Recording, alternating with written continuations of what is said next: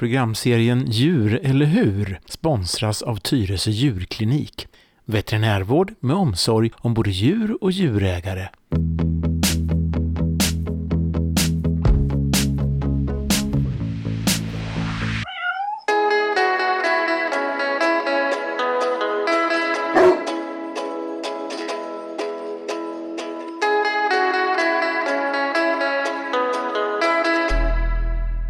Välkomna till programmet Djur eller hur? Idag har vi kommit fram till det femte avsnittet. I avsnitt fyra så besökte vi Yvonne Weimar som är hunduppfödare och fick lite tankegångar om det här med att föda upp hundar och vad man ska avla på och så vidare. Idag ska vi ta upp en annan fråga och det är det här med friskvård och rehabilitering av våra hundar. Eh, det finns ett företag som eh, har specialiserat sig på det här. De heter Sport Dog Academy. Svårt ord det där, men det gick bra. Sport Dog Academy heter de. Och de ska jag besöka idag och träffa deras ägare och VD som heter Eva Solstrand. Och ehm, jag är lite grann ute på hal is här känner jag. Jag kan inte mycket om det här och jag vet inte men det kommer att lösa sig. Och det är ju därför vi gör de här programmen. För att man inte vet utan vill ha reda på saker. Så häng med så ska vi träffa Eva Solstrand. Du lyssnar på Tyresö-radion och jag heter Lelle Viborg. Välkommen! Då har jag tagit mig upp till Älta, Grustagsvägen, för att träffa Eva Solstrand. Hej Eva! Hej! Välkommen till programmet. Tack så mycket. Jag gick in på din hemsida här och försökte lära mig lite mer om det här. Men eh, det gick inget bra för att du håller på med så mycket så att jag kunde liksom inte ta till mig det här riktigt. Men jag misstänker att det är upplagt så att om min hund har ett problem, vi säger nu att han haltar eller någonting, så, så eh, går jag in under den rubriken och lär mig lite mer för att eh, jag tyckte att det var väldigt mastigt med hela alltet. Men det kanske är för jag är lite trögfattad, jag vet inte. Men, men eh, hur som helst, berätta lite om din verksamhet Eva. Mm. Eh, jag är ju, i grunden så är jag människokiropraktor eller humankiropraktor och har jobbat många år på olika kliniker för människor. Mm. Och eh, sen efter ett tag, jag har alltid tyckt att det är väldigt roligt att jobba med djur, att träna djur och framförallt hundar. Så då åkte jag till Tyskland och läste till häst och hundkiropraktor. Och sen har jag jobbat parallellt med både behandlingar utav människor och behandlingar främst utav hundar under väldigt många år.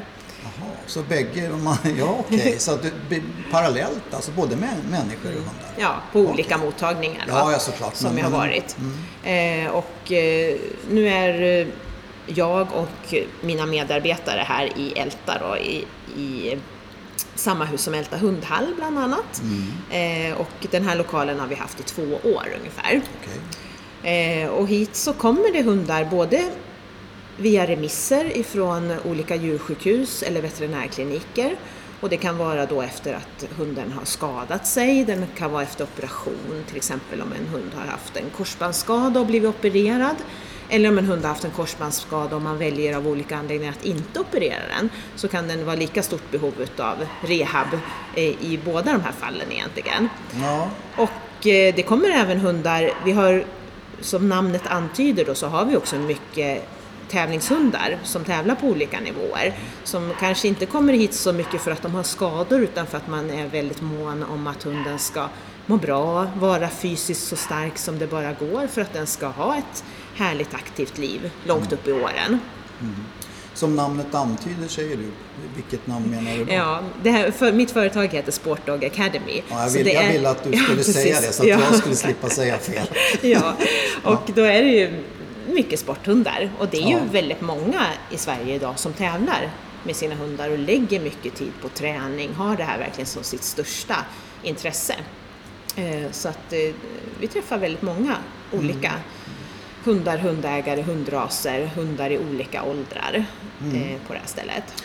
Men om, om jag nu får en av mina hundar, eller jag har bara en kvar i och för sig, men om han nu börjar halta, mm.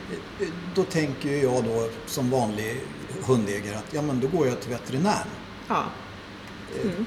Och det kan vara jättebra att, att tänka på det sättet. För det är ofta det som vi rekommenderar, att man ska gå till veterinären i första steget. För då kan, vi, då kan veterinären undersöka, man kanske behöver röntga eh, hunden för att utesluta att det inte är så att det, det, kanske är en fraktur eller det är en sena som har skadats eller någonting liknande. Eh, och, och, då kanske det är operation som behövs eller eh, så för den här hunden. Men mm. hittar veterinären ingenting eh, i det läget så eh, då, är, då går det jättebra att komma med sin hund hit till oss. Ja. Eh, man kan också börja komma direkt hit till oss och märker vi i undersökningen att det här är inte bara spända muskler eller det här är inte någon led som är låst enbart, det här är någonting annat. Då remitterar vi dem till veterinären i våran tur istället. Så det är jätteviktigt med att ha den här dialogen.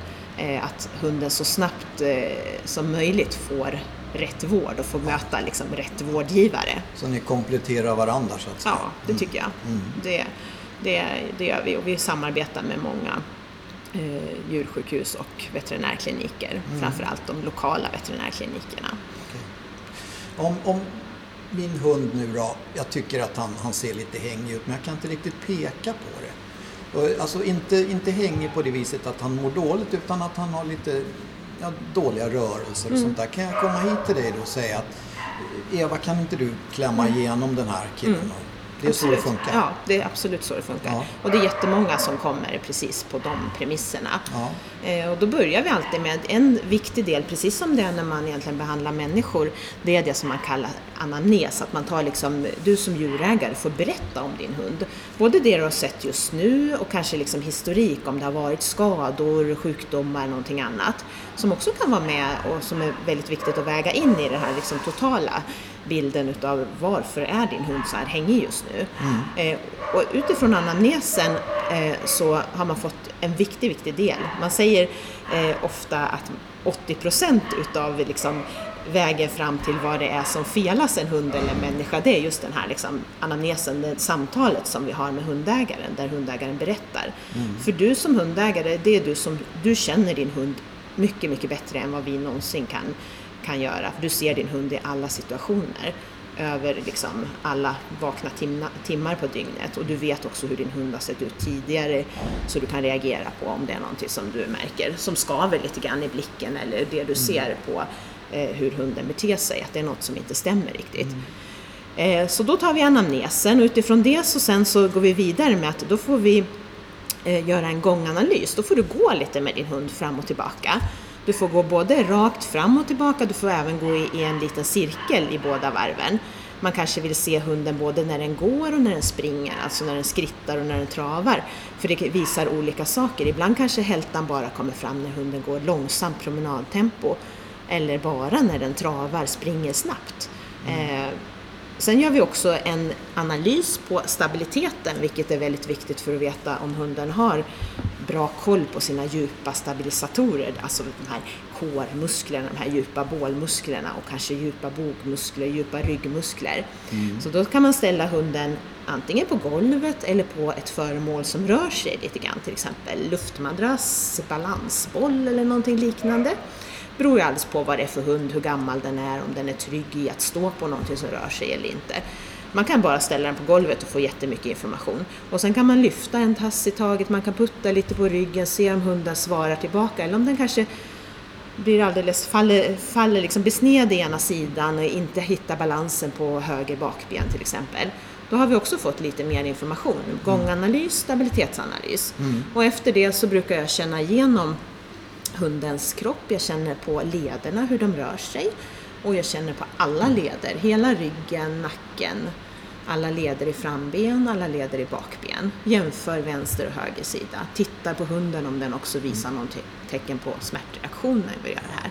Det ska finnas en balans där. Ja, det ska mm. finnas balans. Mm. Och så känner vi igenom hur musklerna känns också. Det ska inte vara hårda spända muskler. Det ska ju inte göra ont när man trycker på en muskel. Det ska inte kännas kort och hopdragen det ska inte kännas varmt över lederna till exempel, för då, då säger det någonting. Då, mm. då har vi fått eh, mer och mer ledtrådar i den här vägen till liksom, vad kan det vara som gör att din hund inte alls verkar vara i form nu. Det är deckarjobb alltså? Ja, det är ganska mycket deckarjobb kan man säga. Och det är inte alltid vi löser och då kan det vara den här känslan, vi får inte ihop bilden så vi måste referera den här till, vidare till till exempel en veterinär då. Ja. Då är det något annat. Ja, det kan ju vara så här att din hund har mag och tarmbesvär och det gör att den liksom krummar i ryggen, den blir jättespänd i ländryggen, den får ryggskott fast egentligen så har den ont i magen. Det är inte alltid det bara är liksom just i musklerna och lederna utan det kan vara sekundärt, någonting annat som bygger upp det egentligen. Det är lurigt det där. Ja, det är ganska lurigt. En annan grej som jag tänker på det är ju, är det, det måste ju tycker jag vara ganska vanligt med ryggproblem hos hundar eftersom menar, där ligger ju ryggen vertikalt så att säga medan vi då har ju kraften går rakt ner. Det är just stämmer. Ja. Ja, det stämmer ju. Och det är ju mycket så också. De kan ju kanske på ett sätt kompensera lite längre än vad vi gör för de har fyra ben att gå på. Så de kan, är, man liksom, är det problem med ryggen så kan vi lägga över på höger bak och så börjar det göra ont på höger bak då kanske vi lägger över på vänster fram. Och vi har bara våra två ben så det kanske märks lite tydligare på något sätt liksom Ja, här, ja. innan eh, vi reagerar och, och säger att nej men nu gör det ont. Och många hundar är också så stoiska eller vad man ska säga. De vill kanske inte visa att de har ont heller. Så de kanske går och biter ihop rätt så länge för det gäller att få hänga med gänget liksom ut på promenaden och få hänga med i bilen och sådär. Och då kanske man tar det här att ja, det gör lite ont men jag gör det för jag ska hänga med. Så det är ganska, det ställer ändå lite krav på oss hundägare att vi, vi kollar lite grann på våra hundar och liksom reagerar på det här när vi börjar märka att det är någon typ av förändring. Ja, för vad jag osökt kommer att tänka på det är ju de här jättekoppelrycken. Det, det kan ju inte vara speciellt nyttigt på Mm. Nej, nej. Det är väldigt, väldigt dåligt med de här snabba rycken. För det är ju mycket så, våra hundar älskar ju att gå och nosa. Så det är lätt att de kan försvinna där, gå liksom och nosa i en nosfläck och så, så börjar du tycka att nej, nu måste jag skynda mig hem för nu börjar tv-programmet som jag älskar. Och då får hunden bara hänga med, så rycker du till.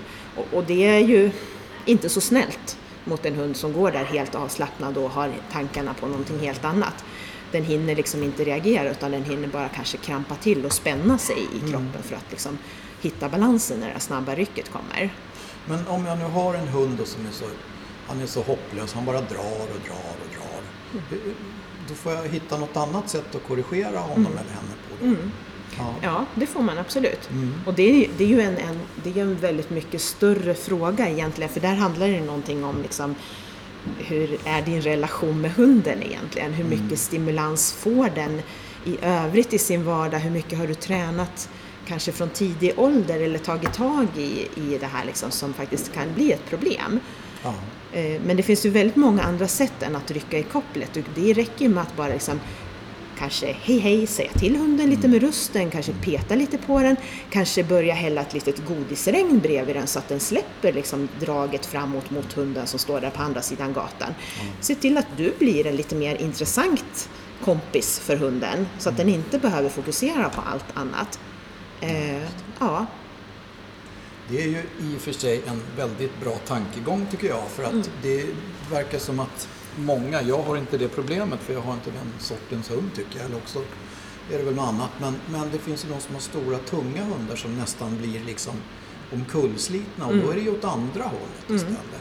absolut. Och, och då blir ju det ett problem. Ja, det är ju många som har fått axelproblem för att hunden väljer att rycka till i alla möjliga lägen också. Mm. Så det är väl schysst om liksom båda, båda parterna i det här teamet liksom Ja, eh, kan eh, uppföra sig, eller vad man ska säga då, så att vi inte liksom behöver leva i en gemensam där, skap där vi egentligen liksom skadar varandra, eller vad man ska säga. Nej, just det. Sen tänkte jag på en sak till. Jag har ju en Sheltie. Mm. Och han är, han är nog inte så där utställningsmänniskorna skulle nog inte gilla honom. Han, har lite, han ser ut som en border collie, han är lite höger bak. Ja, just det. Men han går ju nästan på lodrätta bergväggar. Mm, Okej. Och, och då ser man ju liksom hur han trycker på. Ja. Och det måste ju betyda då att det är en väldigt viktig bit, den här bakre delen. Ja. Stämmer det? Ja, det stämmer. En hund är bakhjulsdriven. Okej. Man Ja. säger att ungefär två tredjedelar av motorn är, ligger på bakdelen på hunden. Ja. Så bakbenen är otroligt centrala. Eh, för att liksom skapa kraften, drivet i steget. Däremot om man tänker liksom hur hunden lägger sin viktbelastning så är det det motsatta förhållandet där. Den lägger en ungefär två tredjedelar utav sin kroppsvikt på fram. Och då en hund som är, som din hund då, och som många border collies till exempel, de är, eh, eftersom de är lite högre bak och lägre fram så blir de som en Formel 1-bil egentligen. Ja, så de förmodligen, så om man skulle liksom mäta belastningen så skulle de kanske lägga lite mer än två tredjedelar på fram egentligen i viktbelastning när de rör sig. Okej. Så eh, ja, det är viktigt där att liksom bakkärran fungerar, att vi har liksom Ja. kraften och motorn där så vi inte avlastar bakdelen på att lägga ändå mer på, på framdelen, speciellt på de hundarna som är byggda på det viset. Mm, mm. För om man pratar ryggrad så kommer jag osökt att tänka på det här med schäfrar till exempel. Nu ska vi inte peka ut någon hund och tycka så, men schäfrarna har ju, har ju ju så annorlunda ut nu mot vad de gjorde, säg för 30 år sedan. Nu lutar de bakåt. Mm, absolut. Va- varför det, Ja. Och det är ju inte alla schäfrar, man jobbar ganska mycket inom vissa linjer också på att faktiskt få dem mera så här så liksom att det är mer jämnt mellan fram och bak och så också. Eh, och det tycker jag är ett väldigt viktigt arbete att man premierar den typen utav chefer. För du är, ser du ut mera som ett bord, att du är li- ungefär lika högt eh, fram och bak egentligen, då är en mycket stabilare konstruktion. Om du bygger ett hus på pålar, då skulle du aldrig välja att bygga eh, på brutna pålar som hade stora vinklar. Det skulle bli en svagare konstruktion egentligen. Eh, Så ju mer liksom det kan vara rakt som ett funkisbord, desto stabilare konstruktion är det på hunden egentligen. Och då blir det lite olyckligt. Om vi nu tänker att egentligen, om vi nu pratar om din Sheltie och många border collies, de är låga där framme och höga där bak. Det är aerodynamiskt ganska bra för att så bygger man en Formel 1-bil för att den ska vara snabb och luftmotståndet ska bli så litet som möjligt. Om man nu vänder på det, om man säger att hunden istället är låg där bak och hög där framme, då börjar du med ett stoppmoment i rörelsen. Och du börjar med liksom böjd höft, böjt knä, böjd has. Det, är inte, det, blir, det blir inte lätt att få till två tredjedelars motor om allting är böjt i ursprungsläget när du ska ta sats och skjuta på, eller? Du måste börja lite rakt för att kunna trycka på. Bra förklaring tycker jag. det, det var lysande. Ja. Men du, hur ska man göra för att, att förebygga sådana här ja, skador på veder och sådana här saker? Jag menar nu, om man tar en agility-hund till exempel där det är en massa snabba vändningar Mm. och färdriktningar hit och dit och stopp och starter hela tiden. Absolut. Hur, hur ska man liksom undvika att den blir skadad? Ja. Eh, det finns många faktorer och det finns jättemycket man kan göra eh, för att en hund ska må bra, klara av sådana här snabba rörelser och kunna tävla långt upp i åren och så också. Eh, det är jätteviktigt med det här som vi var inne lite på tidigare, att de har bra bålstabiliserande muskler. Core-muskler kan man också kalla det. Det är de musklerna som sitter liksom från sista revbenet till korset eller bäckenbotten. Där ska du ha nästan som, tänk att du har liksom en ballong, så du ska ha ett tryck inifrån och ut som håller upp ländryggen. Eh, för ländryggen är väldigt utelämnad, den har inte som om man går högre upp eller längre fram i hundens rygg, då har du bröstryggen och så har du revben och så har du ett bröstben, du har liksom en benring som är rätt stabil där. Och går du längre bortanför, bakom, bakåt i hundens kropp så kommer du till bäckenet och där är också stabilt benstöd. Men så har du den här sträckan emellan bröstryggen och bäckenet som kallas för ländryggen. Eller vekryggen kan man kalla den på människor och det är faktiskt vekryggen på hunden också egentligen.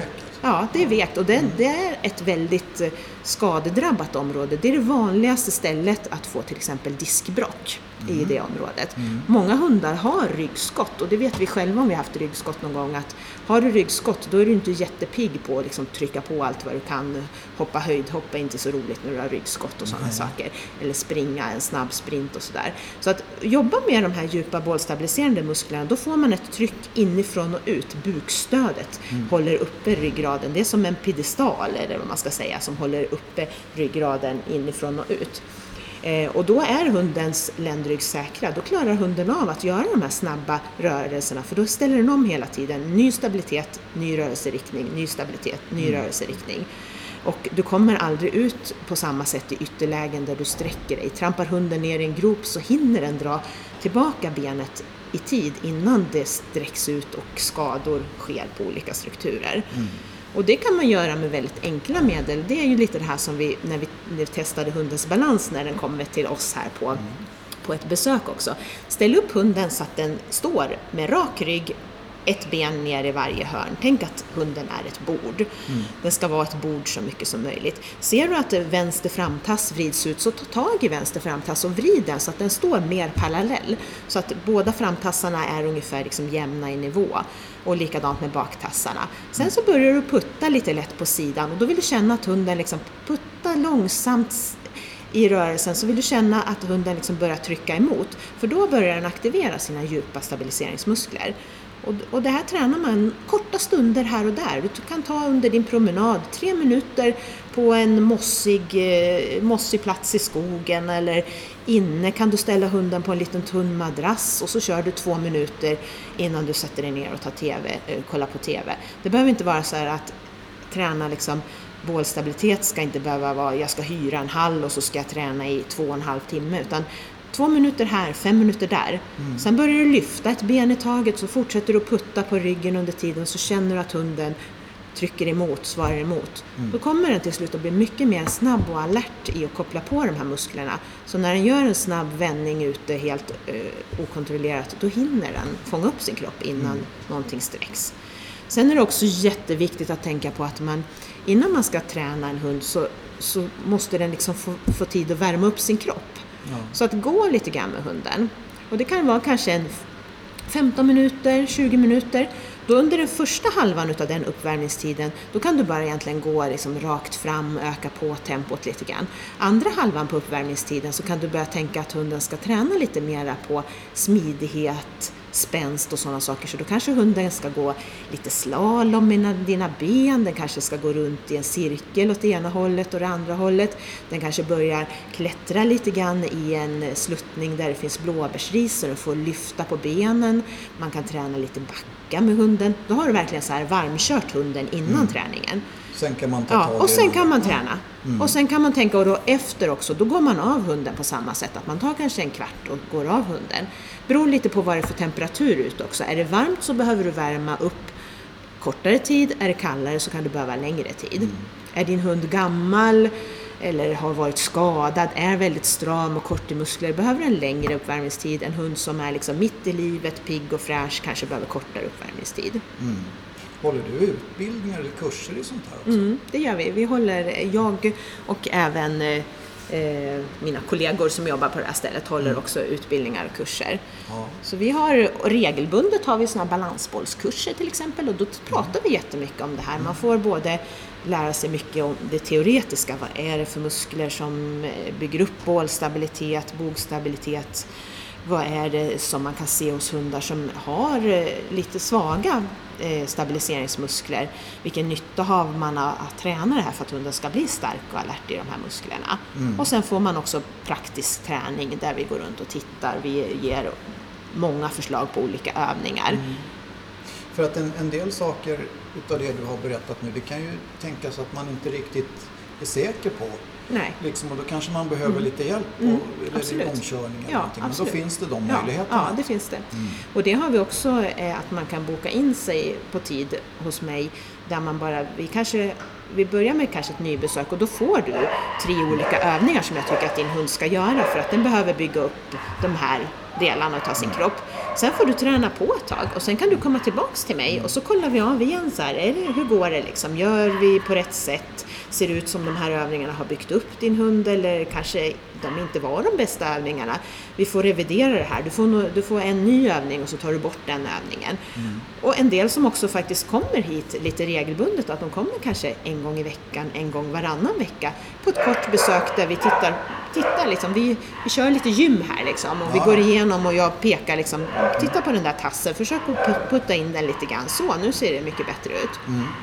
Så det finns alla varianter, liksom, från att man går en kurs och så får man ett kompendium med ett gäng övningar som man kan plocka några utav och, och köra på egen hand, till att man kommer hit och får ganska mycket stöd och support mm. för att komma vidare med att bygga upp sin hund fysiskt. Mm. Rehabiliteringen då? Om jag har haft en skadad hund och, och vi ser nu att han har blivit opererad för någonting, någon, någon ledbandsskada eller Mm. någonting. Då måste han väl, misstänker jag, byggas upp igen. Och sånt Mm. Ja. hjälper du till? Ja, det har vi väldigt många och där får vi ju jättemycket remisser ifrån eh, djurkliniker. Eh, och då börjar man lite på samma sätt. Vi utgår från att vi, vi tittar även där, liksom, hur ser hunden ut när den startar här? Hur rör den sig? Vad har den för stabilitet och balans? Och så utifrån det vi hittar och eh, även kanske då ifrån hur ser, liksom, hur ser situationen ut där hunden bor? Hur, hur stora möjligheter har man att göra den här rehabiliteringen? Eh, en del kanske bor långt härifrån, de vill verkligen sköta det mycket på egen hand, de vill bara ha några avstämningspunkter på vägen. Eh, andra bor nära, har st- större möjligheter att komma hit lite oftare i början. Så mycket av rehabiliteringen går att Ofta är planen att man kommer lite tätare besök i början, sen försöker vi verkligen glesa ut det. För du ska själv liksom, du ska äga, du ska ha kontrollen som djurägare. Du ska inte vara beroende av oss, du ska ha verktygen, men vi hjälper dig gärna på vägen. Eh, I början lite mer intensivt, sen försöker vi att du tar över så mycket som möjligt på egen hand.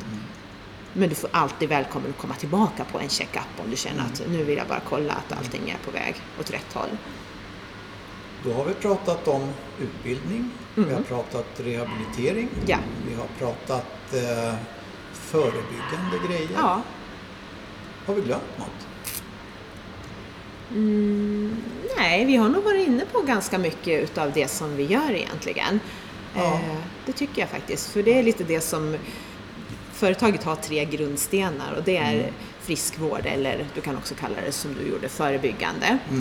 Och sen har vi rehabilitering och så är utbildning en viktig del. Och utbildningsdelen, där har vi också yrkesutbildningar. Så eh, vi erbjuder utbildningar för hundfysioterapeuter, eh, djursjukvårdare, veterinärer kommer på utbildningar. Där man kan lära sig mer om det som kanske eh, en kiropraktor kan lite mer om egentligen. Till exempel att man lär sig att känna igenom hur lederna känns, palpera leder. Vi har haft kurser, i, vi har sådana här vattenlöpband här så att eh, en kollega som är väldigt erfaren som heter Marie Söderström som har hållit på ge- länge med rehabilitering inom djursjukvård. Hon har hållit kurser för eh, hundfysioterapeuter om eh, hur man ska tänka om man har ett litet sånt här rehabcenter. Om man har köpt en vattentrask eller water treadmill. Eh, det är jätteviktigt att du vet liksom hur nivån ska vara. Du kan inte bara sätta in en hund och låta den gå eh, en stund och så vara nöjd med det. Utan du måste, det kan vara väldigt stor skillnad på hur hög vattennivå det är, högt eller lågt. Högt vatten ger mycket stöd, det blir så hydrostatiskt tryck. Det hjälper hunden att våga ta ut rörelser som den kanske inte vågar göra på torra land. Och man kan ha lutning på bandet, hunden ska gå visst antal minuter, vi ska inte gå för lång tid så att den börjar ta ut sämre rörelser och så. Så den typen av utbildningar, vi kommer ha mycket mera, jag kommer satsa mer på den typen av utbildningar eh, ja, från och med hösten och så också. Okej. Eh, En sista fråga då. Det här Ja. är en riktigt svår en.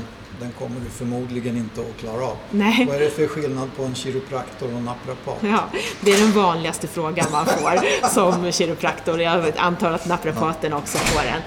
Eh, ja, idag är det inte speciellt stor skillnad. Nej. Båda yrkesgrupperna jobbar mycket med besvär från rörelseapparaten, det vill säga besvär i leder och muskler. Eh, och eh, i början så var det, allt det här startade någon gång på 1870-talet i USA. Då fanns det bara kiropraktorer och en kiropraktor eh, tyckte att han ville jobba mera med muskler än vad kiropraktorer gjorde på den tiden. För på den tiden så sa det bara knak i lederna och sen var det klart med behandlingen. Och det behövdes inte jobba så mycket med musklerna tyckte kiropraktorkåren på den tiden. Så den här kiropraktorn han eh, bröts ur kiropraktorkåren och startade den första naprapatskolan i USA. Och då började man jobba mer med muskulatur. Och under många år så var det mycket så att naprapaterna jobbade, de var knutna till olika idrottslag. De jobbade mycket mer med mjukdelar, de jobbade mer med maskiner som till exempel ultraljud eller TNS, ström, elektroterapi och sådana saker. Kiropraktorerna höll kvar vid att det var våra händer som är vårt viktigaste redskap och det var, betoningen var mycket på att behandla leder och det räckte så. Men som det ser ut idag så har mycket forskning har ju såklart visat att du når ett bättre resultat om du jobbar med lite utav både och. Det räcker kanske inte med att behandla en led i din rygg om du har gått länge för du har så spända muskler eh, också som behöver också lite massage eller laserterapi eller vad det kan vara också. Mm. Du når ett snabbare och mer hållbart resultat om du kombinerar det här. Eh, och skolorna är väldigt lika. Det finns ju en naprapathögskola och en kiropraktorhögskola i Stockholm. Eh, och, eh, man läser också mycket, mycket annat. Det är ju långa utbildningar. Jag har gått fem år till utbildning som människokiropraktor. Och mycket utav den tiden också läsa något som heter differentialdiagnostik. Det vill säga om det här ryggskottet eh, kanske inte beror på att du är spänd i musklerna eller att en led är låst. Då kan det finnas andra orsaker till det också. Du ska titta lite utöver det också. För har du till exempel njursten, då kan du få ryggskott. Och då blir det ju väldigt tokigt om jag fortsätter att bara liksom ledbehandla och massera eh, dig när du har ja. njursten. Du behöver snabbt komma iväg till någon annan för att få mm. rätt vård. Mm. Sen kan du komma tillbaks när njurproblemet kanske är åtgärdat till mig för att du fortfarande har lite spända muskler. Mm. Men eh, lite det här att man ska inte fördröja man ska inte fördröja eh, att patienten får rätt vård. Det är egentligen det centrala. Och i dagens läge så kan du gå till en naprapat och en kiropraktor och enligt mig få samma likvärdig behandling. Mm. Kloka ord där från Eva Solstrand. Eh, jag tror jag har fått svaren på alla de frågor som, som jag hade förväntat mig att jag skulle få. Ja. Så jag får be att få tacka så hemskt mycket för att du ville ta dig tid. Och eh, så ska jag tala om för våra lyssnare också att eh, det lilla burkiga ljudet som kommer här det är att vi är en stor hundhall eller en hall och så har vi lite hundar som skäller och gormar lite runt omkring här. Men det får man ta i den här branschen. Ja, absolut. Så ja. tack så mycket. Ja, det är jag som ska tacka också. Tackar. Tack så mycket. Du har lyssnat på det femte programmet i serien Djur eller hur? Och det är dags för mig att åka ifrån Älta här. Där Eva Solstrand har pratat om vad man kan göra för att hålla sin hund frisk och kry. Jag heter Lelle Viborg och du lyssnar på Tyresö-radion. Programserien Djur eller hur sponsras av Tyresö djurklinik. Veterinärvård med omsorg om både djur och djurägare.